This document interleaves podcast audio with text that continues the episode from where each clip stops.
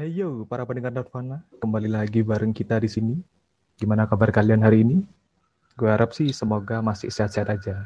Jadi kali ini gue pengen ngobrol soal sesuatu yang agak sedikit serius, yaitu soal stigma atau juga pandangan terhadap wanita. Kenapa harus wanita? Bareng gue Dito di sini dan juga ada Tita dan Monica. Selamat datang di Project Nirvana. Jadi sesuai dengan opening gue, hari ini gue bakal ngobrol soal wanita. Tapi sebelum itu, kali ini kita kedatangan Monica lagi untuk kedua kalinya. Jadi Monica itu mantan anak kuliahan kriya logam di ISI di Jogja gitu. Kalau masih lupa juga mungkin bisa kalian dengerin di episodenya dia yang bareng kita bahas gimana sih rasanya kuliah di ISI. Jadi gue udah bareng dua wanita dan pas banget kali ini gue pengen ngobrol soal wanita. Kenapa gue pengen ngobrol soal wanita? Karena hari ini 8 Maret 2021 kita memperingati satu hari khusus yaitu Hari Wanita Internasional.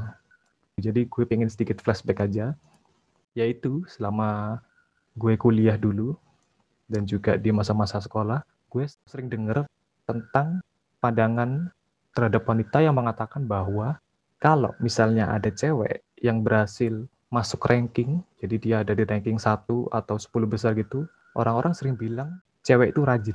Pernah denger gak lo? Gue sih enggak sih. I don't find that kind of stigma. Kalau Tita?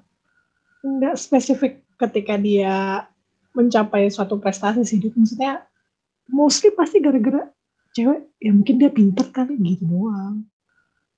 Tapi lu pernah denger kan? Maksudnya pernah denger ada persepsi kayak gitu kan? Jadi ya Iya, cewek tuh cewek itu pasti lebih, lebih rajin rajin. cowok. Nah, lebih rajin daripada cowok. lu menganggap diri lu waktu kuliah itu dulu nih atau waktu sekolah adalah sosok cewek yang rajin kayak gitu nggak sih? Kalau dikaitin sama rajin, mungkin uh, ada salah satu konteks ketika cewek itu rajin nyatet juga. Kalau itu gue ngalamin sih, gue sering, ya gue ngakui gue rajin nyatet. Karena pada waktu itu juga banyak orang yang sering pinjem catatan gue. itu salah satu bukti yang menunjukkan bahwa gue rajin gitu. Kalau Monica dia mengakui bahwa diri lu itu rajin dalam hal mencatat doang. Ya, Oke, kalau lu Tit, Tentu saja tidak, Bung.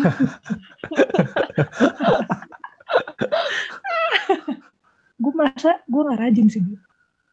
Karena mostly aku males. Mindset gue tuh yang penting tugas gue udah kelar. Itu mau tuh kelar hamin satu jam atau hamin satu hari, yang penting tugas gue kelar gitu. berarti lu mengakui kalau lu bukan cewek yang rajin seperti yang gue bilang barusan ya? Yep, Oke, nah ini menarik nih. Keresahan ini timbul karena gue pribadi sebagai cowok itu suka sebel aja gitu. Jadi karena mendengar stigma kayak gitu, cewek ada di ranking atas. Cuma modal rajin doang.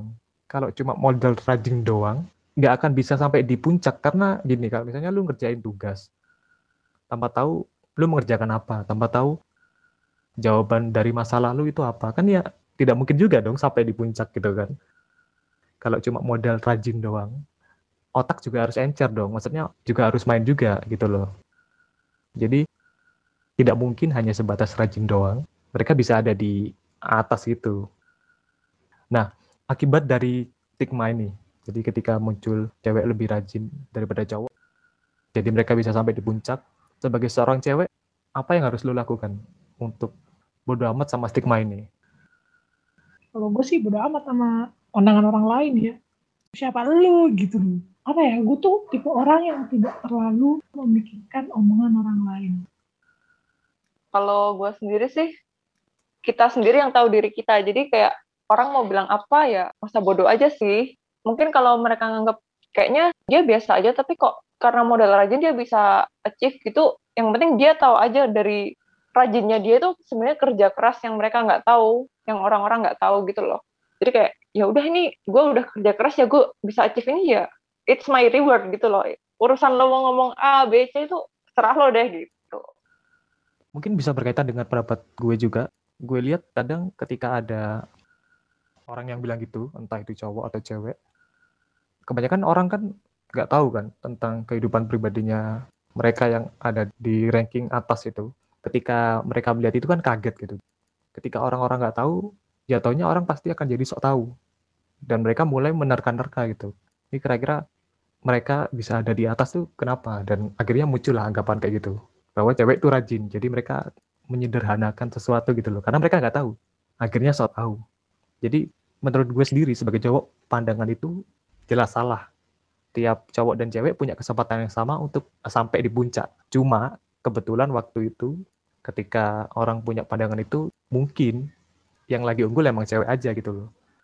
Tapi di satu sisi mungkin bisa jadi ada kejadian cowok yang di atas kayak gitu. Jadi setiap orang punya kesempatan yang sama. Setuju nggak kalian berdua? Tidak peduli memandang lo cowok atau lo cewek baru lo bisa achieve prestasi kan. Semua itu depend on apa yang kamu lakuin, apa yang lo lakuin, kerja keras lo gimana. Dan mungkin ini kelihatannya juga sepele, tapi kita juga gak bisa menutup mata kalau diskriminasi itu kan juga berasal dari anggapan remeh-remeh kayak gini gitu loh. Jadi mungkin kesimpulan bisa gue ambil dari obrolan kita kali ini yang pertama, kita jelas menolak bahwa cewek itu cuma modal rajin doang. Yang kedua, kalau misalnya lu lagi ada di posisi ini, atau misalnya lingkungan lu mau mandang lu dengan anggapan kalau lu cuma modal rajin doang, dan lu bisa achieve itu, ya udah ikutin saran kita aja, bodo amat aja gitu. Jadi tunjukin aja kalau lu emang meraih achievement itu dengan dengan otak lu juga, otak lu juga main gitu loh, nggak asal rajin doang. Jadi mungkin terima kasih untuk kedua wanita yang sudah bersedia menemani saya untuk ngobrol malam hari ini. Terima kasih untuk Monica yang sudah bersedia hadir lagi, kita undang lagi. Terima kasih juga untuk Tita yang sudah menemani gue pribadi sama Max dari awal. Dan juga gue mau bilang wanita itu ada bukan untuk membuat kita cowok terlihat lebih lemah. Mereka itu ada untuk melengkapi. Akhir kata, sekian dari gue. Selamat malam, selamat beristirahat, dan sampai jumpa di episode